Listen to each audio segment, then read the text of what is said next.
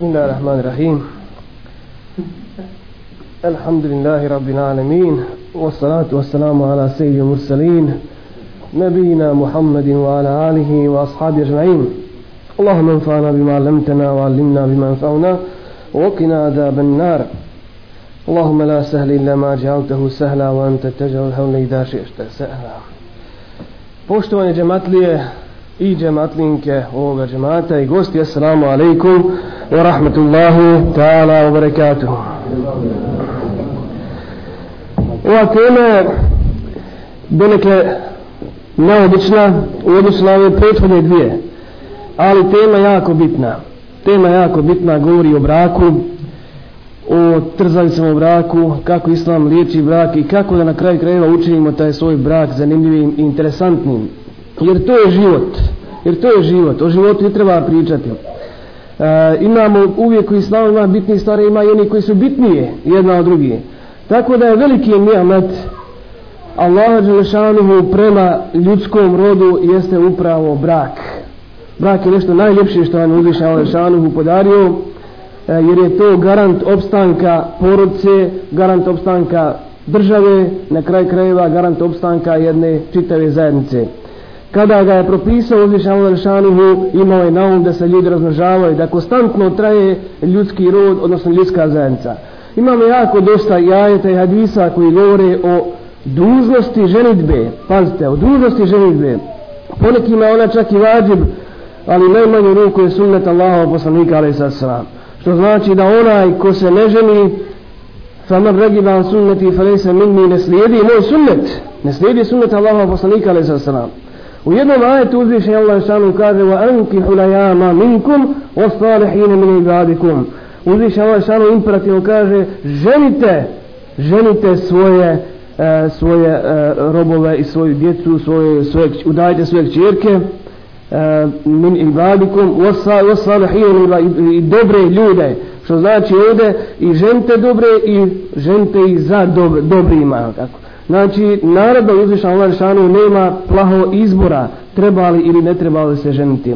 Zatim hadis poslanika ali sa sram gdje kaže ja mašere šebabi meni se ta minkum ulbaete falijete zauvađ o skupinu mladića govori Allahu poslanik kome? Mladićima.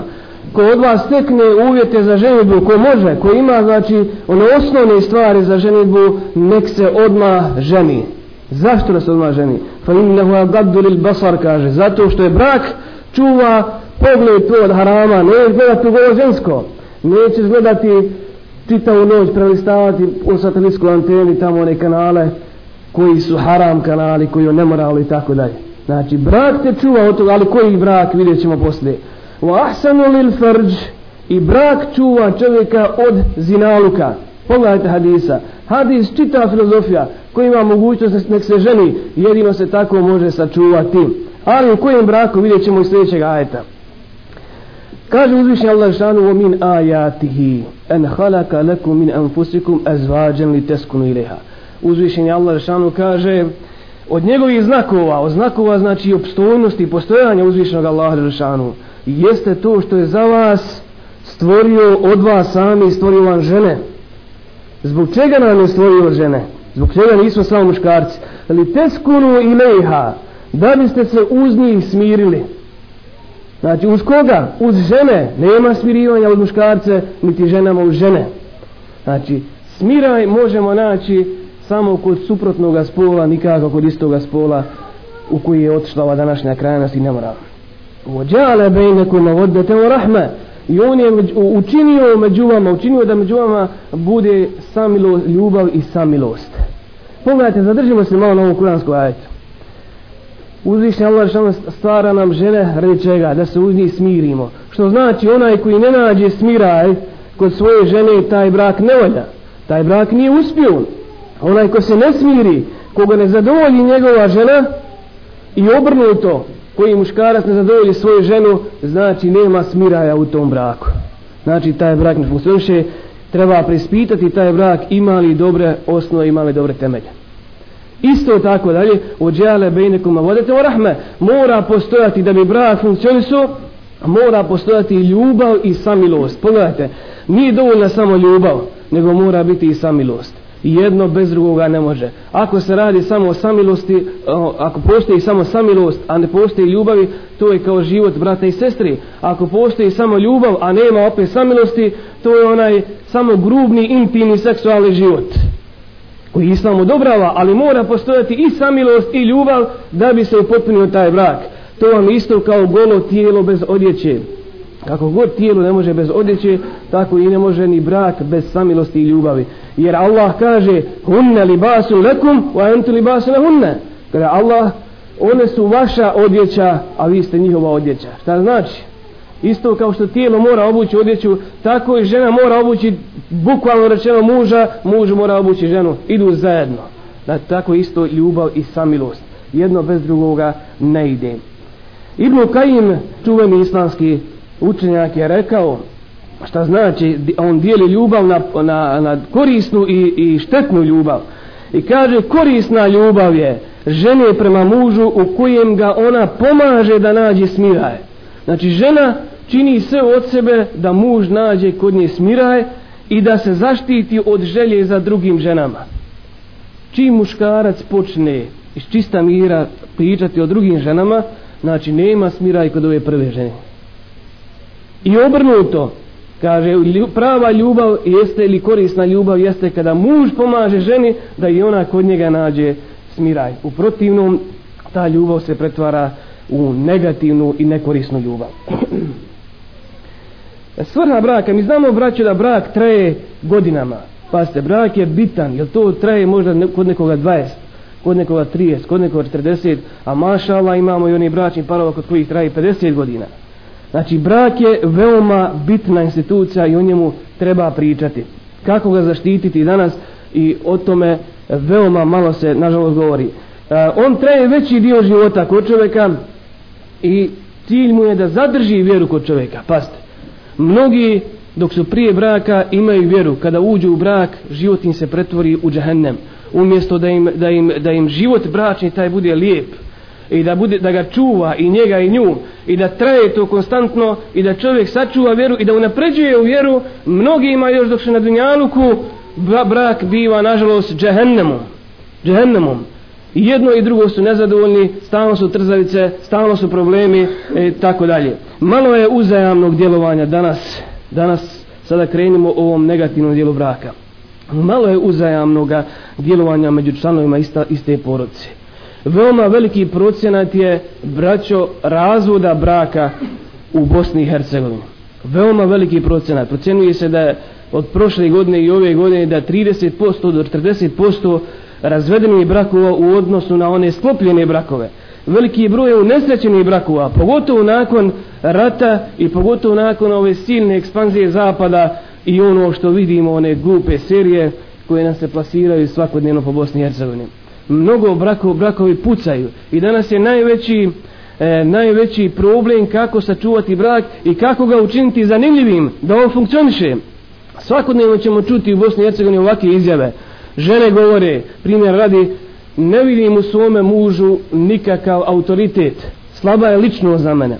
Ili kaže veoma je hladan. Veoma je hladan kao led je hladan. Ne vidim u njemu toplinu. Kada sam se udala mislila sam da ću, da, ću, da ću dobiti svu tu ljubav, pažnju, osjećajnost od svoga muža. Međutim, nakon udaje dobila sam samo probleme. To je jedna od izjava. Sljedeća izjava, muž mi, muž mi se kasno vraća kući. Sa društvom je počitao dan, a meni ponekada navrati. Često puta ga prođe, prođe dan i ja ga ne vidim. Druga će žena kazati, muž mi se opija, počitao dan u kafani i kada dođe kući samo hrkne i zaspi, nema nikakve fajde od njega treća žena ili četvrta i peta priča, kaže moj muž samo voli pričati o drugim ženama. Voli pričati o drugim ženama i to uporno ponavlja predavnom i ne, ne želi da sjeli kaže sa nama, ne želi da sjeli izbjegava sjelenje sa mnom i sa mojom djecom. To žene govore. Tu ćete muškarce gdje govore kaže mislim da sam se prevario u životu. Nije to ono što sam ja tražio. Sada bi volio kada bi se mogo razvesti. To ono bila ljubav na prvi pogled, oženili se, kasnije u braku je vidio da to nije med i mlijeko, nego je bijeli luk i sir. Jel? Drugi će kazati, ne privlači me ništa na njoj, kaže. Ne privlači me ništa na njoj, hladna je i tvrda imam osjećaj kao da spavam s kamenom pogledajte izjava treći kaže svađa se mnogo sa mojom majkom i majke mi stalno savjetuje da je pustim ne izaziva me svojom ljepotom zapuštena je E, kada uporedim nju sa drugim ženama druge žene mi se više sviđaju nego ali moja, moja sobstvena žena. Naravno te izjave nisu došle džabe. Braćo za, i za jedno i za drugo ima krivaca. Krivi su i žene i muškarci. E, mi svakodnevno čujemo te e, te izjave kako se ljudi žalje, žale na svoj brak. Gdje su razlozi? Razloz, razlozi prije svega po meni jesu u pogrešnom pristupu samome braku mnogi misle i mladići i djevojke e, da je brak isti da je brak e, ljubav ona na prvi pogled koji oni koji oni dožive kada susretnu jednog drugoga.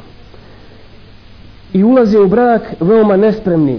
Ulaze u brak misleći da ona dva sata koja su živjeli prije braka i gdje su jedno drugom razmenjivali poglede, lijepe riječi i osjećali srcom i dušom nešto jedno prema drugome, da će to trajati u braku 24 sata sutra. Lako je sa ženom provesti dva sata prije braka. Lako je pričati dva sata ili aškovat što naš narod kaže. Ali valja s njom sutra živjeti 24 sata. Valja i njoj s njim živjeti 24 sata. I vidjeti možda u situacijama u koji ne vidi se ne vidi jedno drugo dok su momak i djevojka. Tako da imamo ulazak u brak potpuno nespremni i mnogi kada uđu u brak brak im postane kabur. Kažu ljubav je ili brak je e, kabur za ljubav. Kao sahranjena ljubav gotovo smrt postaje ljubav. E, što bi značilo da bi nam trebalo jedno predbračno vaspitanje mnogima što kaže jedan treba da mnogi da treniraju brak prije braka. Ne misli se u onome negativnom smislu kao čafiri nego da postoji jedno savjetovalište muslimansko koje će upućivati ljude kako da znaju sutra upražnjavati brak. To je jedan od velikih razloga. Zatim razlog je nedostatak komunikacije među supružnicima Supru, e, muž oženi ženu i misli da je time sve postigu, da je to dovoljno što on nju oženio. Obraćaju se e, sa riječima u kojima nema ljubavi, u kojima nema osjećajnosti, e, jako grubo i prestaje kontakt među njima. To je jedan od velikih razloga nedostatak komunikacije, jedan od velikih razloga razvoda brakova. Zatim pre, pogrešna predstava o ulogama supružnika u braku. Većina muškaraca smatra da on samo treba da nju oženi i osta, on je sve učinio. On može da posjeti svu svoju energiju u nešto drugo. Žena misli kada uđe u brak, njena uloga da pere kuha i tako dalje. I oni se posveti jedno drugom, međutim, to su, to su dužnosti koji čekaju i prije i poslije braka. Te dužnosti u kojima oni su energiju utroši u toku braka. Oni se moraju posvetiti jedno drugome i zbog toga su jedno drugo uzeli. Zatim unošenje vanjskih problema, unošenje vanjskih problema. Muž radi po čitav dan. Kada dođe s posla, ponese dio posla i kuće. I hoće da odrađuje i onaj posao koji radi na poslu na, u kancelariji ili u fabrici, hoće da ga i kod kuće radi još pre ženom. Žena naravno nije zadovoljna s tim, jer ako si me oženio, očekujem da sa mnom provedeš to vrijeme. Ako imamo djecu, znači očekujemo da zajednički to, to, to vrijeme provedemo. U porodici, u krugu porodici i tako dalje. Unošenje problema, svana, s posla, iz društva, iz, eh, iz e, udruženja raznih u krug porodice, u ljubavni život, naravno ruši porodicu. Kad tad to ruši porodicu.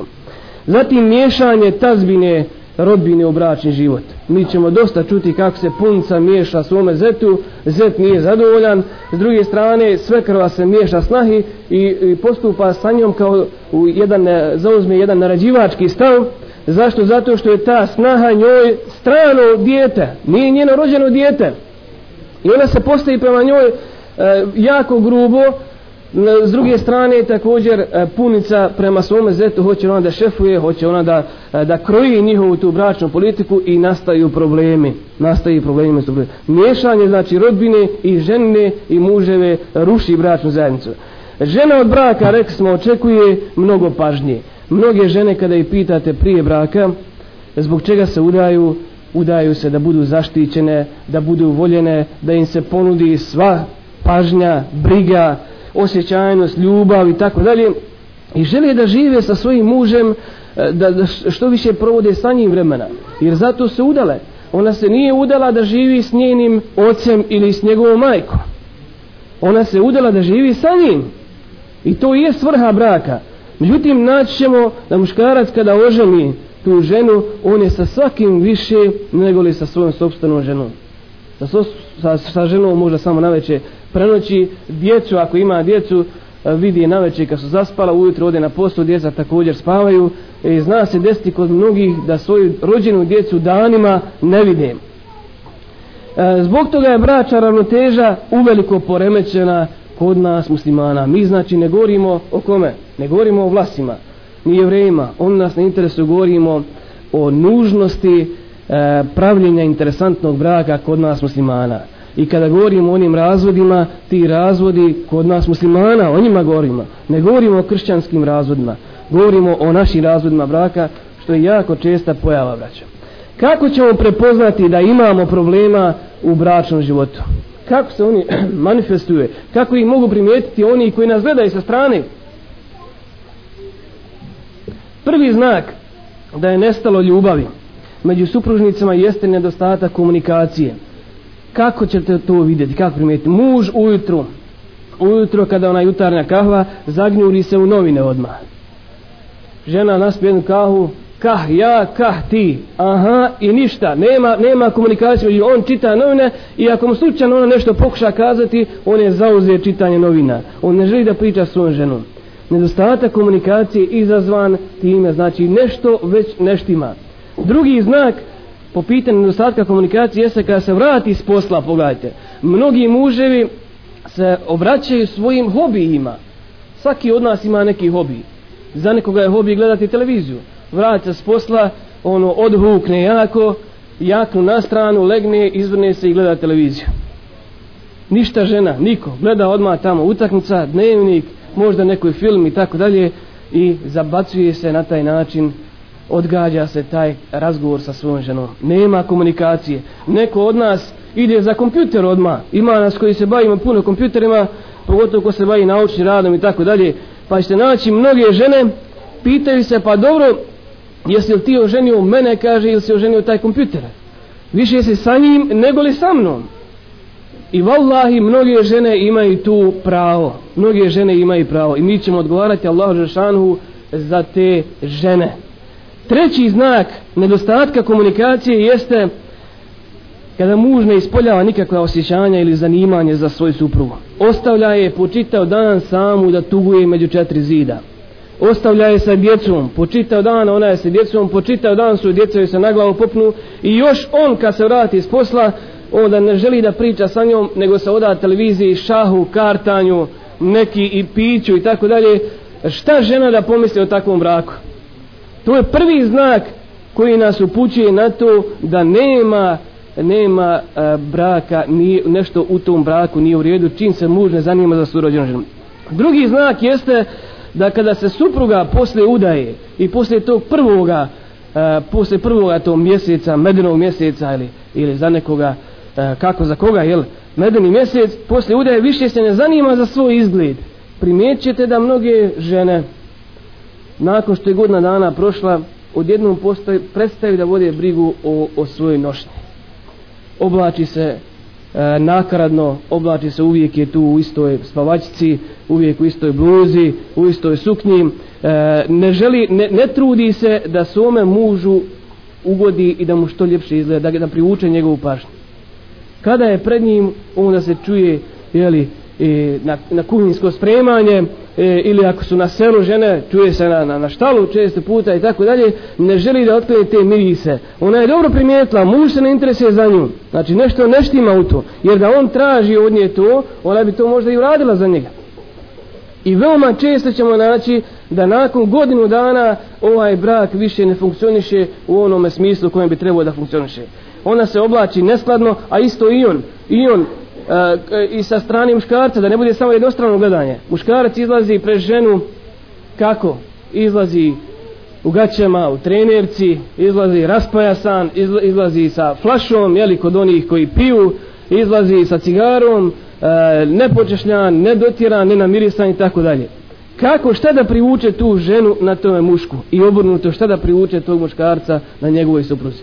A najpreći su mi ćemo kazati jedno drugome najpreće i žena se i udaje zato da se svidi svome mužu da bi on našao smiraj kod nje nažalost kod nas je često obrnuta stacija pa se žene spremaju za ulice za komšija, za rodbine, za prijatelja, a svome mužu kakav god da izgleda. Jel? Muž isto tako. Kad smo na ulici, jak smo se lijepo dotjerali kravata, frizovi razne i tako dalje, mirisi, međutim u poroci je najbitnije, jer mi živimo s njom. nema valja živjeti 40 godina s tom ženom i toj ženi s nama. Najpreće je da učinimo sve da se potrudimo da taj brak funkcioniše, a u društvo, u društvo možemo izaći slabije. Lijepo je u društvo i svakako treba izaći lijep, ali nikada ne treba dati prednost društvu nad svojom rođenom sobstvenom porodicom. Ona se više ne zanima za čitanje, nema više ni volje, jer muž je ostavio da počita dan čami u kući. Ne druži se sa svojim prijateljicama, što je jedna veoma velika greška. Žena, mnoge žene ulaskom u brak muž im prestaje, prestaje njihovo druženje sa prijateljicama i sestrama s kojima se družile prije braka. To je velika greška. Ne znači ako se udala, ne smiješ se više družiti ni s kim. Jer mi muškarci, mi se svakodnevno viđamo. Mi svakodnevno u džamiji ili u nekim klubovima ili na poslu, mi se viđamo. Naše supruge se ne viđaju, a njima to druženje fali isto kao što i nama fali. Njima treba isto kao što i nama treba. Zašto da ih zakidamo na tome?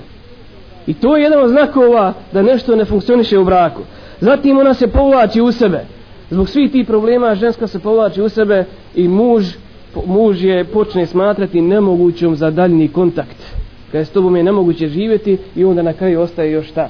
Kada ona šuti čita vrijeme, e, više toliko je nakupila u sebi one gorčine i bola, šta preostaje više nego da začepi skroz, nego da zašuti. I onda na kraju on počne da priča o čemu uglavnom kada vidi svoju ženu povučenu, kada vidi svoju ženu da ćuti stalno, da ne može sa njim pričati, kada vidi svoju ženu da se ne oblači i ne sprema za njega, ostaje da je priča o drugoj ženi, da je prijeti da će nju razvesti, Pa kada će drugo dovesti ko što rade ti naši hrabri, hrabri muškarci. Naravno, najveća greška je, braće, vidjet ćete i kasnije iz ovih ponuđenih prijedloga, najveća je greška u takvoj jednoj situaciji ženi svojoj pričati o drugoj ženi.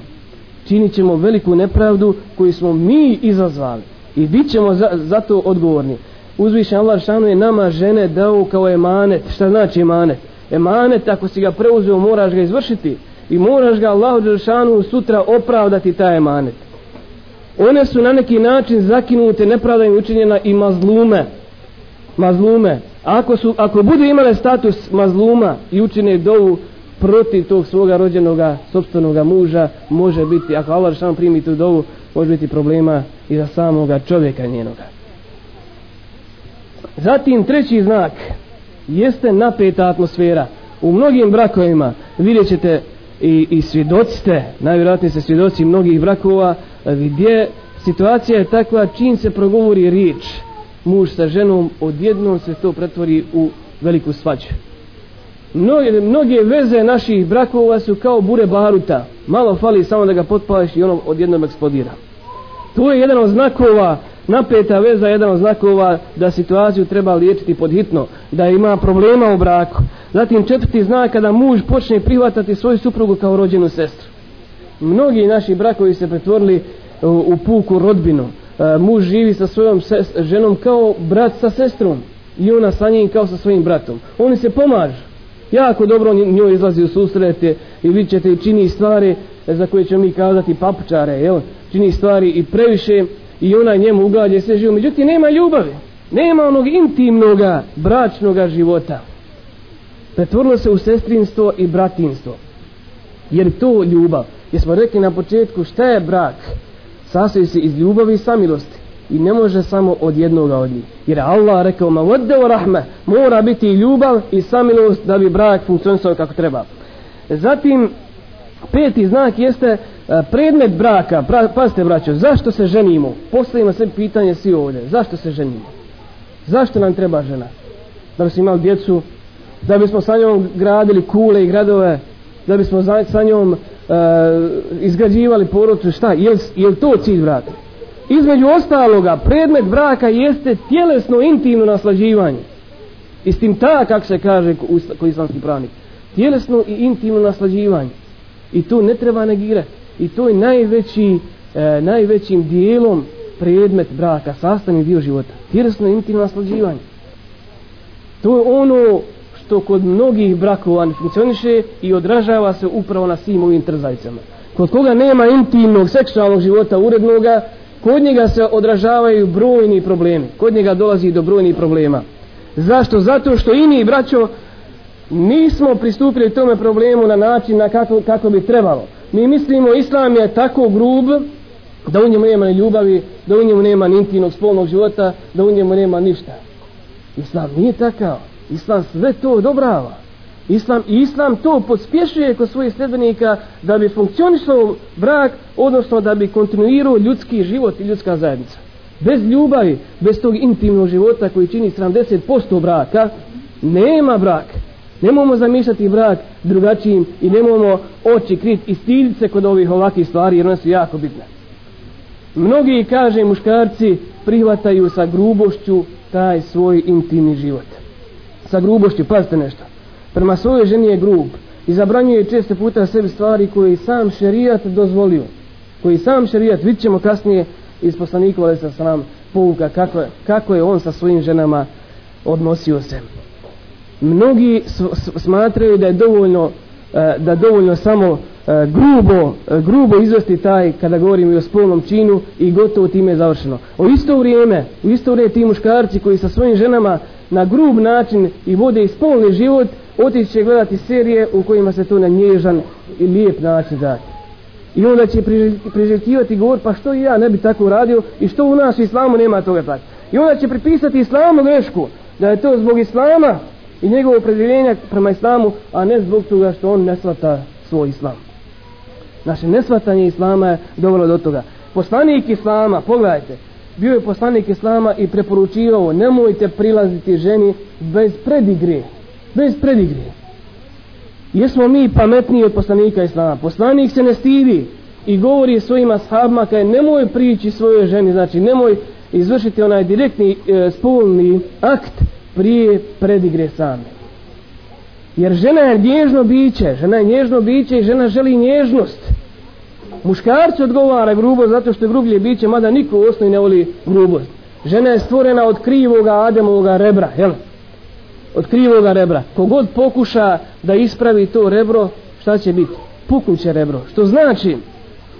Što znači da ako je od krivoga rebra, znači ima neke mahane, žensko kao žensko ima neke mahane, koje ne treba pokušavati ispraviti jer to je njena urođena priroda. Tako je Allah Žešanu uzvišnje stvorio i tako samo ona može obstati upravo je u tome njena pozitivnost. Pazite u toj njenoj krivoći i u tom krivom rebru upravo je pozitivnost. Tu je njena, e, tu je njena snaga i tu je njena vrijednost. Kako to približiti? Vidite ovo rebro na nama.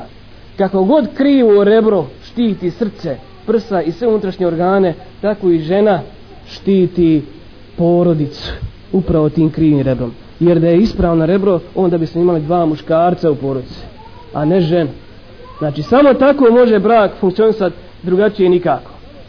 Pogledajmo malo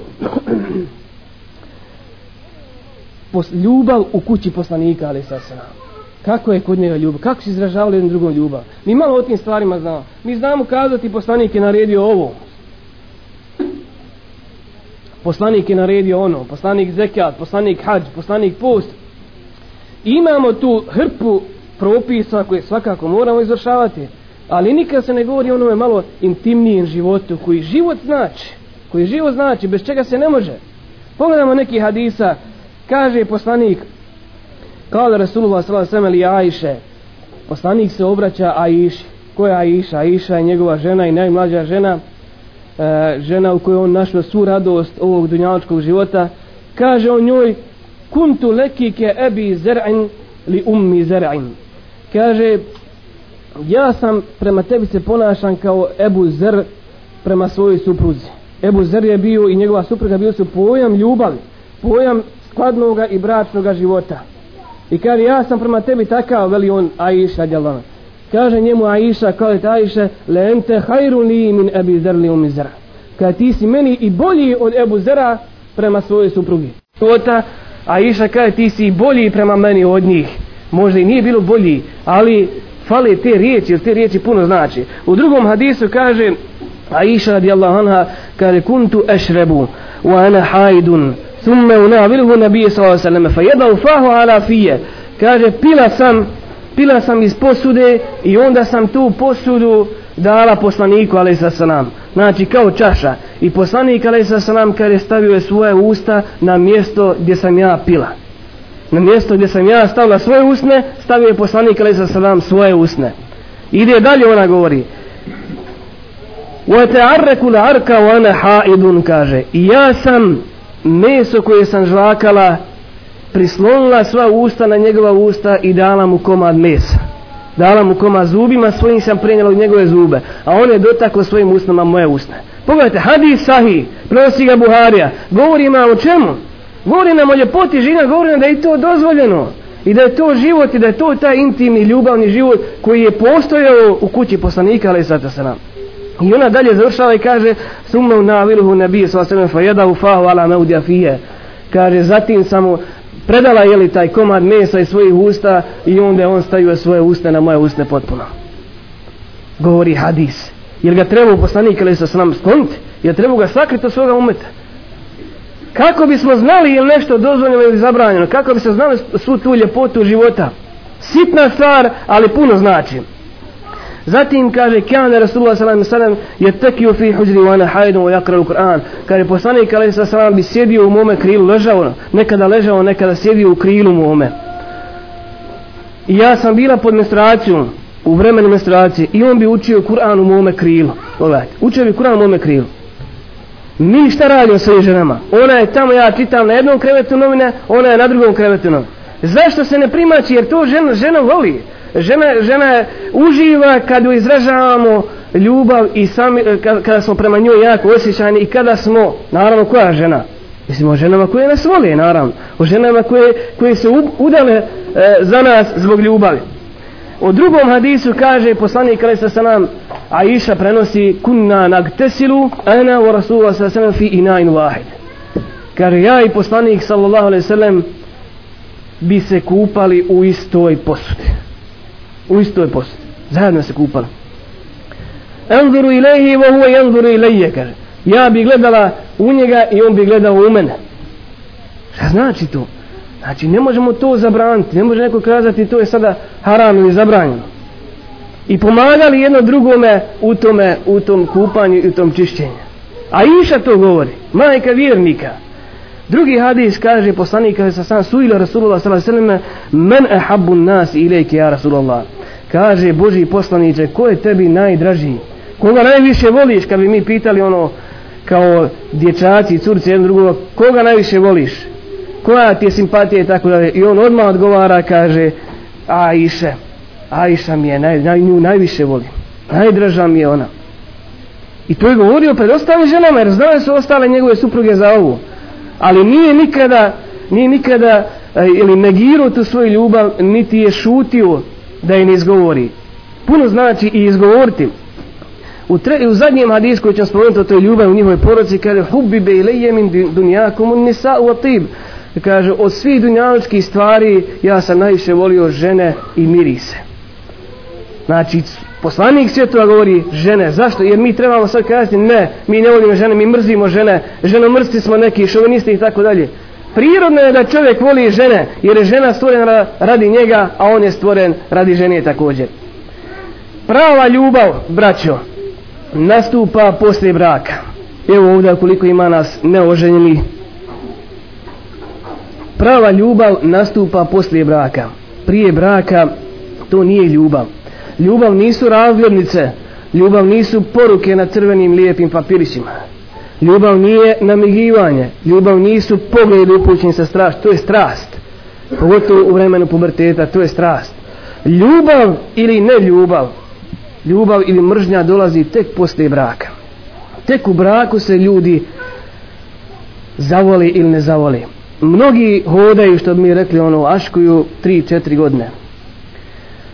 I vuče se ta njihova veza i na kraju se to uzmu. Međutim, oni su tu svu ljubav svoju isprobali, jedan drugom iskazali. I čak se ukiseli ta ljubav njihova. Tako kada dođu u brak, nema više, ne miriši, ne, nema, nema te ljubavi više. Jer su oni sve živo jedno drugome rekli. Sada kada ulazi u brak, postaje im dosadno. Veliki broj naših brakova je, braćo, dosadan. Dosada uh, u porodici. Sve oni razlozi koje smo nabrali uh, govori o tome da su brakovi nisu interesantni. Nisu interesantni jer čim mi dopuštamo sebi da pratimo serije, evo i sad su u modi u Bosni, ne znam kako ovdje kod vas u Njemačkoj, po 3-4 argentinske, španske i druge tamo meksičke serije po 3-4 dnevno, pazite nešto. Tako da žena nema kad više ni rad plavo. Jer svaku seriju valja pregleda i svaka serija govori o čemu? Govori o ljubavi. Govori o nekoj idealnoj ljubavi, ali ljubavi koja je pomiješana sa strašću. I naše žene uče kako će, kako treba voliti muža, odnosno kako treba varati muža, a voliti nekoga drugoga, a da on ne primijeti kako je ona prevarila njega i tako dalje. Svima je uvijek ista tema. Svima je uvijek, svim tim serijama ista tema. I naša djeca i omladna se odgaja na tim istim serijama. To je također jedan od velikih ratova u Bosni i Hercegovini o kojem možemo komentarisati poslije. Jedan od velikih ratova sada propagandnih ratova protiv bošnjačkog muslimanskog naroda u Bosni i Hercegovini jeste li ikada primijetili koliko čitate Kur'an ili hadise da poslanik ali sad se nam nikada ne spominje niti Allah Žešanu ne spominju predbračni život? Što li to ne spominju predbračni život ili predbračne veze? Znači da i nema nema ti predbračne veza upravo radi čega? Upravo radi zaštićene ljubavi kasnije u braku. Jer ako ima i predbračne veze otvorili smo odmah vrata možda i haramu možda nemoralu možda bi sve živo isprobali prije samoga braka, onda u, u braku kasnije ne bismo imali više šta upražnjavati.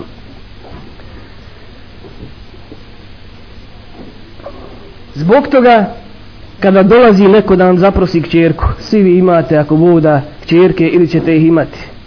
Šta je ključno kod toga izbora? Šta mi kao budući punci, očevi tih kćera, kćerki treba da gledamo?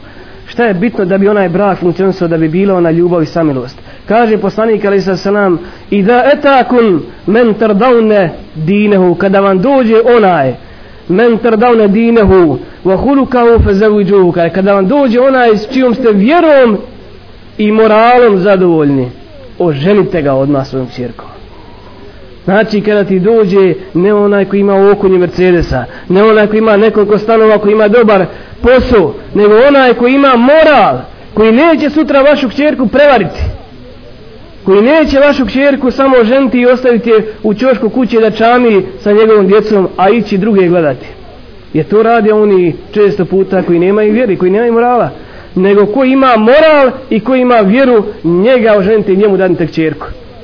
A prije toga je zadovoljstvo da ste vi s tom vjerom zadovoljni, znači govori se o islamu, i da ste zadovoljni sa njegovim moralom.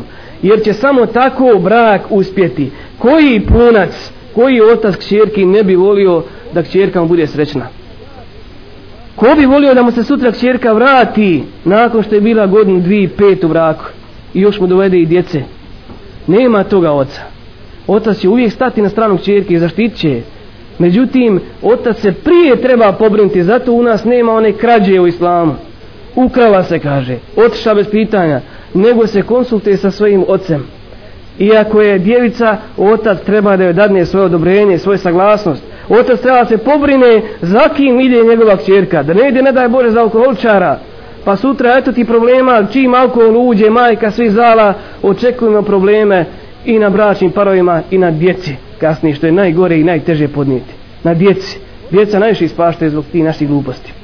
Otac mora se pobrinuti da to nije klošar, da to nije osoba koja je anonimac, pa da onda rizikuje, možda će biti dobar, možda neće biti dobar. I moli Allah šanu da mu, po, da mu se pokaže dobrim taj njegov zet. Otac mora tražiti svoju čerke. Ne mora je uzeti za ruku i kazati, evo ti našao sam ti muža. Nego preporuči se to. Da ona i ne zna, preporuči se, pa se pošalje taj određeni momak iz toga mjesta. Ako treba otići priko svijeta, i priko svijeta, samo da se nađe taka, taka osoba. Jer od toga zavisi brat, a mi smo odgovorni za svoju djecu. Zbog toga je poslanik šta govorio? Ljubav, samilost i moral. Ljubav, samilost i moral, to troje čini brak uspješnim. Što je interesantno da se ljubav kod mnogih braća ulaskom u brak nestaje. Nestaje nakon godinu dana.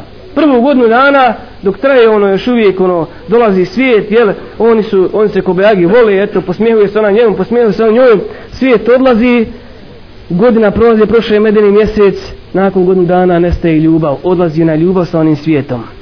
Odlazi na ljubav. Pa kaže, spominje se jedan slučaj, kaže, otišli muž i žena na medeni mjesec i smjestili se u neki hotel. Ona u hotelu uganula nogu. I muž odma prišćapi je, na krilo je posadi, miluje, tješi je, to je kad su na medenom mjesecu. I kaže da bismillahirrahmanirrahim, da da će Allah, te, bit će dobro i tako nije to ništa. Nakon godinu dana isti muž i žena idu u isti taj hotel i opet ona nekako upala s kreveta na nogu. Šta je onda veli? Sad nema više dođe na krilo da te utješim, da ti kažem lijepe riječi, nego budalo jedna si slijepa, si čorava, zar ne vidiš? To je prvi znak, znači nestaje ljubav i vrać. Nestaje ljubav i. Kako zadržati tu ljubav koju imamo prvu godinu dana? Kako je zadržati i kako učiniti da ona traje? Zašto je nema? Zato što ne ulazimo iz ljubavi, često puta ne ulazimo iz prave ljubavi prema braku. Napravimo raz, prema ženi, napravimo razliku između strasti koja nas vodi prema određenoj ženi zbog njenoga tijela, pa možda i zbog porijekla, zato što je punac joj, jel, firmaš, ima para i tako dalje, znači napravimo razliku između tog strastvenog jednog prilaska tom braku i onoga iz prave ljubavi i želje da taj brak funkcioniše. I želje da taj brak bude zasnovan ima laže šanu i na ljubavi. Ako bude iz ovih razloga zbog materijalne koristi zbog e, dobroga porijekla begovske porodce i tako dalje to će trajati taj brak će trajati dokle ima interesa. Čim nestane interesa gotovo ruši se ta temelj ruši se taj brak zašto? Zato što ima truhle temelje. Temelj pravi jeste vjera. Vjera, moral i samilost to je pravi temelj kod tih brakova. Zbog toga nije dozvoljena samo ljubav s jedne strane. Ako voli žena samo muža a muž nju i onako ponekad voli i ponekad ne voli sve zavisi od situacije taj brak ne može uspjeti nije dovoljno da muž samo voli ženu nego moraju i jedno, jedno drugo voljeti da bi brak uspio. Zatim često puta se zadešava nezadovoljstvo u jednom materijalnom pogledu. Žene gledaju na druge žene. Po prirodi rekli smo žena je od krivog rebra neki će prevesti onaj hadis da je žena i krnjave pameti. Pa će gledati ako u komšinice u druge njene prijateljice ima jeli, lijep nameštaj, lijepo sve i tako dalje poželit će i ona kod čovjeka. Čovjek to nekada ne može. Ne može da je priušti dolazi do problema. Bitno je zadovoljstvo. Zadovoljna žena žena koja zahvaljuje svome mužu na onome što imaju čini brak sretnim. I tada će ljubav funkcionisati. Da ne kažemo samo znači idemo u stranu da su muškarci uvijek krivi. Ima je nekada i veoma često puta kada žene nisu zadovoljne materijalnom stranom svoga muža. Kada sve ove probleme iznesemo dajmo sada ponuti na kraju jedno rješenje kako učiniti ovaj naš brak naš brak, interes, govorim naš, stavljam iz sebe tu da bismo lakše to shvatili, hvala Bogu nije mi takav i ne želim takav brak. Alhamdulillah, e, brak je mnogo drugačiji, molim Allah rešanu da svi brakovi budu onakvi kakav je imao poslanik, ali sada se nam znači kako je volio Aishu da i Aisha voli da imamo puno Aishi da imamo puno Muhammeda sallallahu poklonika je pa makar i crva vorah bio žena koju smo oženili, pogledajte, dobro treba shvatiti njenu prirodu, voli, voli da, joj, da joj se donese, ne mora to biti skupo, neka to bude obični, obična olov, kak se radi olovke, obični cvijet jedan, ali žena voli da je taj cvijet samo za nju, jer to nije usput, nego da si se pobrinuo i našo vremena i mislio u tom momentu dok si kupovao taj cvijet. Jer u hadisom se kaže len tehabu hatta tehadu kaže nećete se iskreno voljeti. Iako je općenit hadis nećete, neće biti ljubav među vama dok jedni drugima ne budete poklone dijelili. poklon puno znači. Koliko nam prođe vremena pa se ne sjetimo ne sjetimo da uzmijemo nešto onako onako nešto mizerno za 5-10 maraka. Neko što nas puno a vjerujte da to mnogo znači. Vjerujte da ćete zaslužiti kad dođete kući osmije da će biti možda ljepša i kahva pa će biti i ono jelo koje se sprema samo uz bajram bit će tu noć. A žene dobro znaju također da put do srca muža jeste kroz šta? Kroz žudac njegov. Kroz žudac i tako se stvara ljubav. Sve su to dozvoljena sredstva braću. Sve su to dozvoljena sredstva.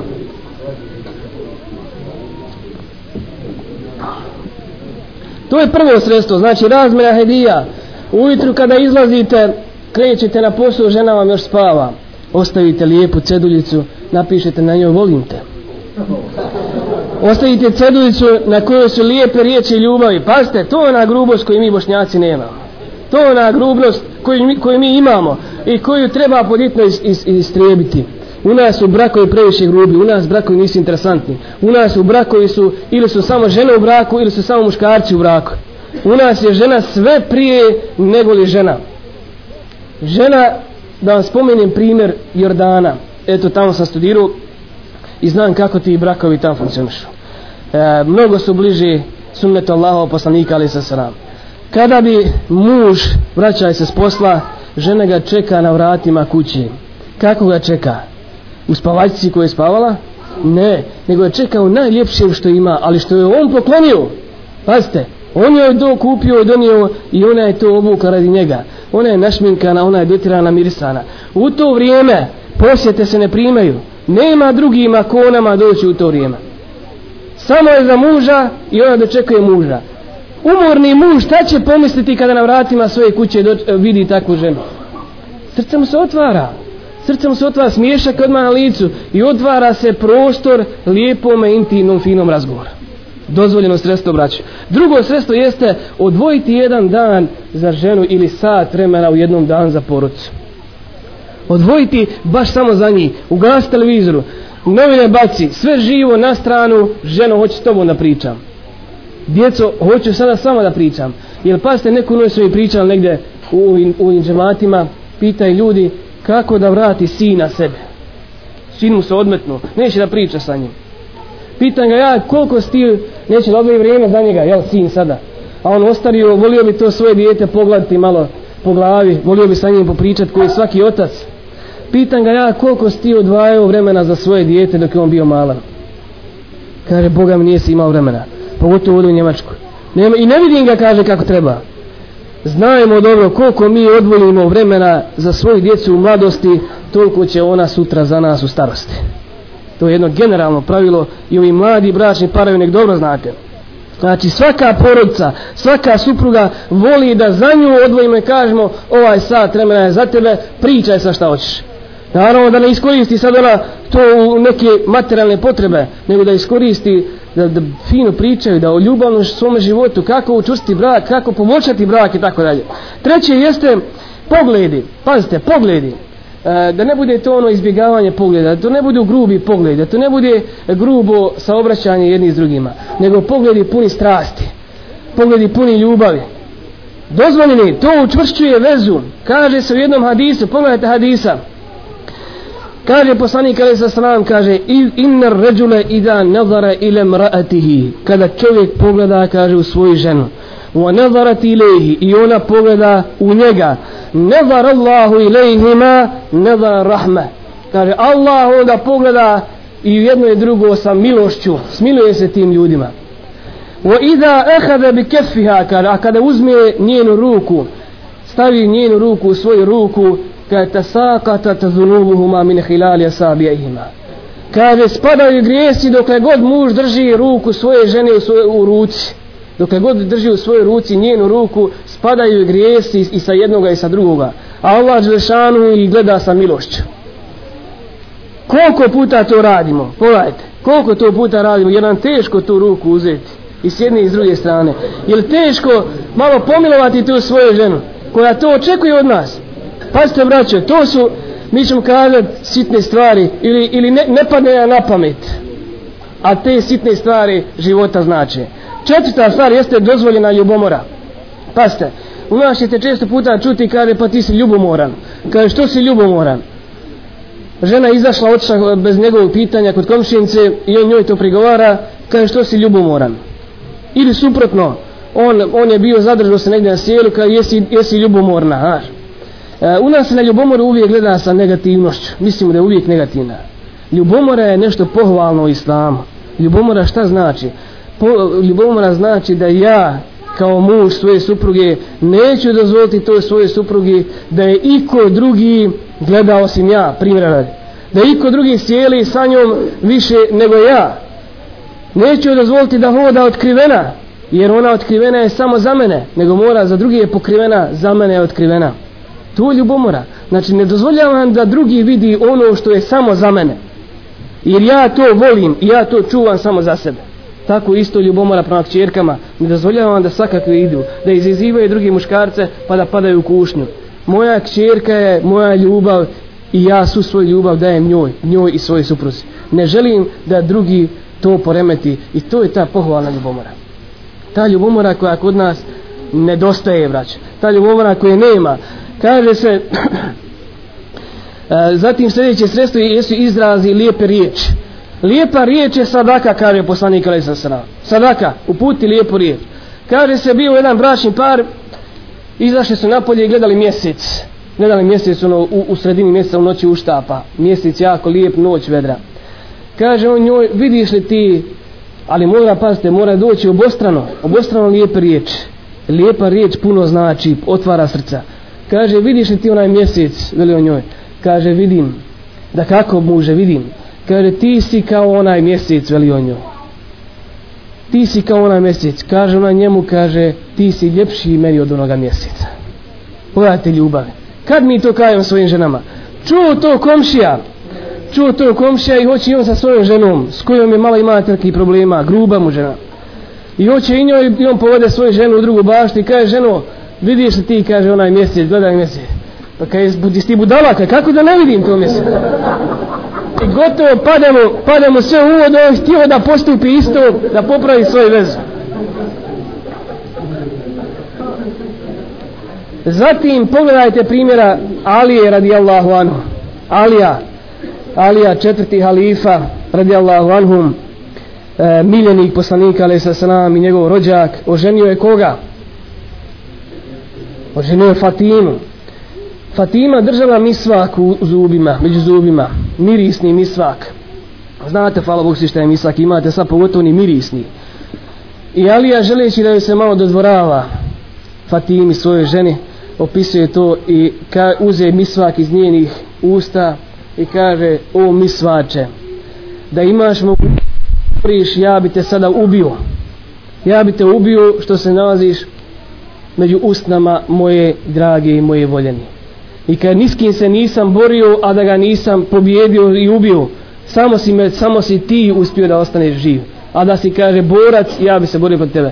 Ovo sada u stihovima je mnogo drugačije rečeno ali želi se kazati e, želi se kazati ženi priči što ljepšim riječima. Jedan drugi pjesnik kaže katerel virdum nefsehu hasaden minki kaže. Dakle da priđe ženi i kažeš toliko si lijepa da je i cvijet ubio sam sebe ili cijete uvehu i zavisti prema tvojoj ljepoti. Jedan obična rečenica. Možemo li kazati tu možemo skupiti hrabrost i kazati svojoj ženi takve neke lijepe riječi. Takve neke lijepe riječi. Možemo li to sebi dopustiti? Pa da na žena žena to hoće ljudi. Žena to razmislite malo o prirodi žene. Nemojte gledati ženu kroz sebe. Vi ste muškarci a žene su žene ovo je Alija radijallahu anhu govorio i govorili su mnogi drugi ashabi hajmo preći još jednom dodiri i poljubci u toku dana evo opet primjera iz sunneta Allahova poslanika ali sa sam. Da ne kažemo da je to od nekoga čula kazala. Kaže Aisha radijallahu anhu kana Rasulullah sallallahu alejhi ve sellem ihda nisaihi wa huwa sa'imun thumma tadhak.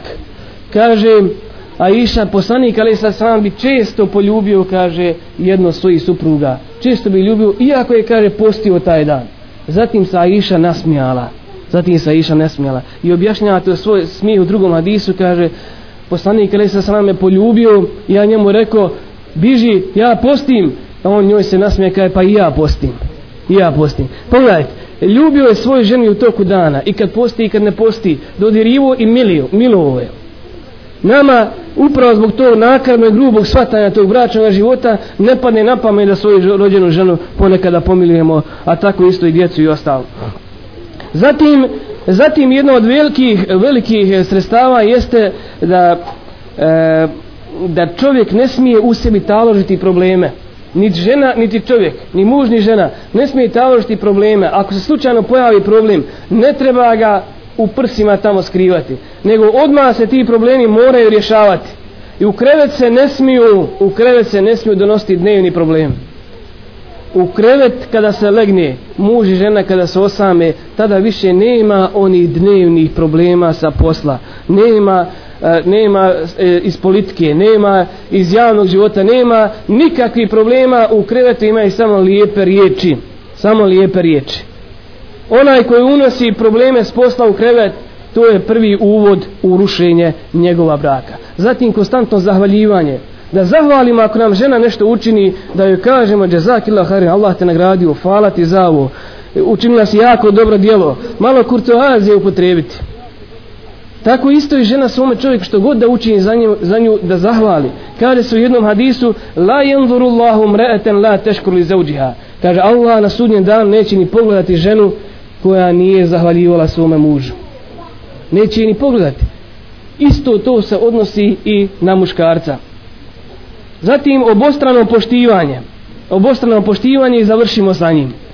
Obostrano poštivanje braćo i nevrijeđanje u društvu pogotovo. Vi ste svjedoci mnogih naših tih brakova gdje žena i čovjek sjede u društvu drugoga možda bračnog para možda rodbina možda nije rodbina gdje ona iskoristi priliku pa mu kaže šta ti znaš. Ili nije tako ili lažeš često puta lažeš jel? i razne druge ruže riječi muž muž naješ pogotovo ako je po onom našem žargonu papučar jel? Slegne se ovako i kaže ušuti jadnik provuta knedlu jer ne može neće tu radi drugih neće da se svađaju i tako dalje. A ona to jako dobro iskoristi to je prvi znak da nema međusobnog poštivanja. Vrijeđanje pred društvom to je prvi znak da je bolestan taj brat i da ga treba liječiti. Papučarstvo kad smo već kod njega u islamu ne postoji. Postoji nešto da muž treba da pomaže svojoj ženi i onim običnim kućnim poslovima. Jer pazite nešto ovo sada možemo iskoristiti mikrofon e, onaj isključiti mikrofon e, da ne čuju mada dobro je da se zna i jedni i drugi žena nije dužna raditi posle koji mi inače dužimo. Mi ženu nismo oženili da nam radi u porodici. Pazite nešto. Nismo oženili da nam radi u porodici. Bune se. Nismo isključili. Braćo znači nismo oženili da nam radi u porodici da služi našega bolesnog babu i našu bolesnu mamu i još možda čest puta tu ima i nana. I možda i brat se od neke dovuku i možda i ostali članovi porodice. Mi smo ženu oženili da imamo lijep, uredan, bračni, intimni život s tom ženom. Da bismo ostvarili taj intimni, lijep i uredan život i da nam nikad ne bi palo na um druga žena mi svojoj ženi moramo pomoći čak i u kućnim poslovima kao što je Alija radijallahu anhu pomogao Fatimi. Opet Alija. Alija je znao sa njom prati suđe Alija je znao donijeti drva Alija je znao čistiti pokući je li problem ako vidite muškarca pa usisivač uzme usisava umjesto svoje žene? Problem je kaže vidit će me ko pa će kada sam papučar. Vidit će me ko... naravno ako gledamo ako se ugledamo poslanika sa sram i Ali radijallahu anhu to nisu papučare to su ljudi to su ljudi koji misli o svome bračnom životu u nas se ide braćo mnogo dalje. U nas ide mnogo dalje pa ćete na selima vidjeti kako muž jeli sjedi u hladovini tamo zapalio je dimi se na sve strane kahu pije da je Bogdom kahu ne često puta i ono najgore alkohol. Sjedi sa svojim komšijom i oni brste ili mrste politiku. A žena je dole žena kopa žena kopa i možda i ore. U nekim mjestima i ore žena. I on je zafrkaje iz onoga kruga odavde i kaže hoće li stara? I ona je stara, pazite nešto. Mi sad govorimo kako, kako privući ženu i kako omijeti jedno drugom. Kad, kad nazovemo ženu starom, to je, a ona ima možda 30 godina ili 25, već smo mi, već mi činimo sve da taj brak ne uspije. I hoće li biti drago toj našoj ženi? On gore sjedi i pije, a ona dole radi i najveći muškarac bi želio ona intimni lijep život, a ona umorna nije za toga. Kada već dozivamo svoju suprugu, dozivamo i najljepšim mogućim riječima. Neke žene vole da im se skrati ime, pa im to biva lijep. I treba ih onim imenima kojim, koja su njima draga, koja su njima draga. Poslanik kada se sam se obraća Aiši, a pa Aiši svoje suprugi kaže, ja Aiš, ja Aiš, kaže. to je skraćeno ime od Aisha ja Aiš. Kako bi to u nas bilo u deminutivu? Uh, o Aišice nekako tako. Uh, doziva i kaže hada Džibril u krijuke selam. Kada o Džibril je tu prenositi selam. Džibril ti šalje selam ali je dozvu ja Aiš. Skraćeno ime. Zašto? zato što je njoj bilo dragi ona se njemu nasmjela tada kada je on nju tako zvono sitna stvar, ali puno znači, ili odma se osmijeh oliki od usta do usta e, se pojavi na, na licu. Od uha do uha, ne od usta do usta. Na. Već smo počeli brkat i zbog toga je bolje da završimo. Možemo mnoge stvari spomenuti u pitanjima. Molim uzvišan Allah Žešanu da naše brakove učini onakvim kakav bi on želio da bude brak i da ljubav bude na jakim temeljima